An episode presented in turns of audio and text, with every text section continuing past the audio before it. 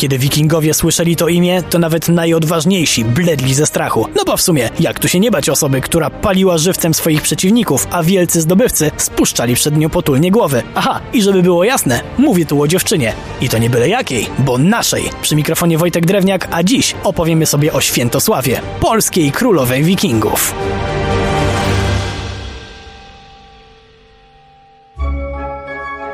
Urodziła się w 968 roku w od niedawna chrześcijańskiej Polsce, a była córką dość popularnego w naszej historii faceta, Mieszka I. No dobrze, ale jak trafiła do zimnej Skandynawii? Bo rodzina rodziną, ale w polityce sentymentów nie ma i w ramach potwierdzenia sojuszu ze Szwedami ojciec wydał naszą bohaterkę za ich króla, Eryka.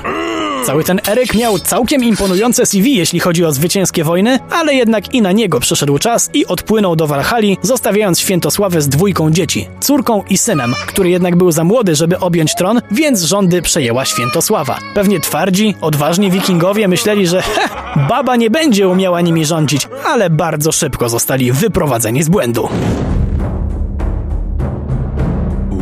Kiedy tylko została wdową, to bardzo szybko zaczęli ją podrywać inni celebryci skandynawskiej sceny politycznej. Jednak Świętosława dobrze wiedziała, że to wcale nie dlatego, że była ładna. Ci goście rościli sobie prawo do tronu, a żeby to zrobić, to najpierw musieli się zbliżyć do niej, a później do jej syna. Tak, na odległość miecza.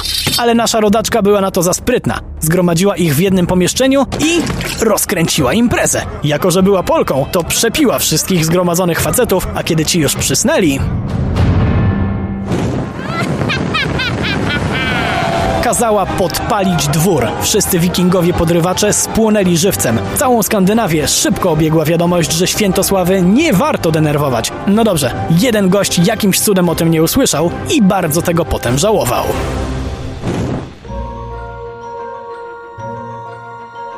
Miał na imię Olaf, był norweskim księciem, ale co dla nas ważniejsze, również obiektem westchnień naszej bohaterki.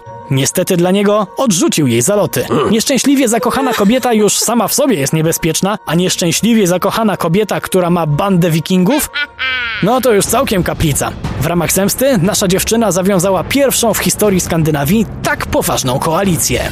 Kto się w niej znalazł? Jej syn, który już wtedy był królem, nowy mąż ze swoim wojskiem, zięć, który też miał całkiem silnych kumpli, a żeby mieć stuprocentową pewność, to Świętosława poprosiła jeszcze o pomoc brata, Bolesława Chrobrego.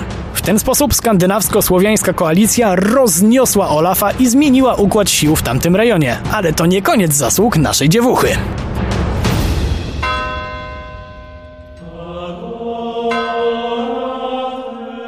Bo to właśnie ona ściągnęła do Szwecji misjonarzy, wśród których był też polski biskup Robert. Umówmy się, chrystianizacja państwa i zmiana układu politycznych sił to dość spore osiągnięcia, ale to nadal nie wszystko, bo o ile dzisiaj Polacy w Anglii nikogo nie dziwią, to właśnie Świętosława była pierwszą Polką, która postawiła nogę na tamtej ziemi. Jak to się stało? Zacząć musimy od tego, że w międzyczasie urodziła jeszcze jednego syna, Kanuta, który w historii zapisał się jako jeden z najbardziej legendarnych wikingów. Kanut Wielki, zdobywca Anglii.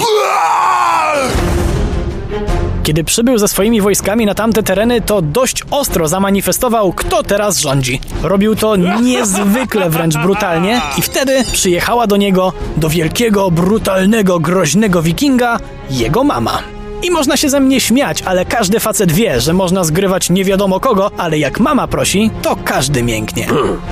Groźny Kanut nagle się zmienił. Stał się wyrozumiałym władcą, który zaczął dogadywać się z kościołem, którego wcześniej nie trawił i po pewnym czasie był już tak lubiany, że odesłał swoich ludzi do domu, bo nie bał się zamachu. Anglia zaczęła mocno się rozwijać, a kto wie, jak sprawy by wyglądały, gdyby nie przyjazd Świętosławy i jej wpływ na syna.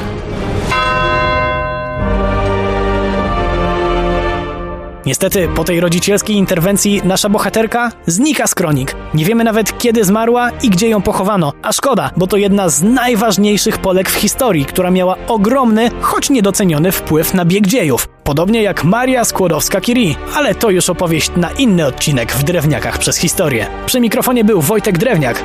Do usłyszenia.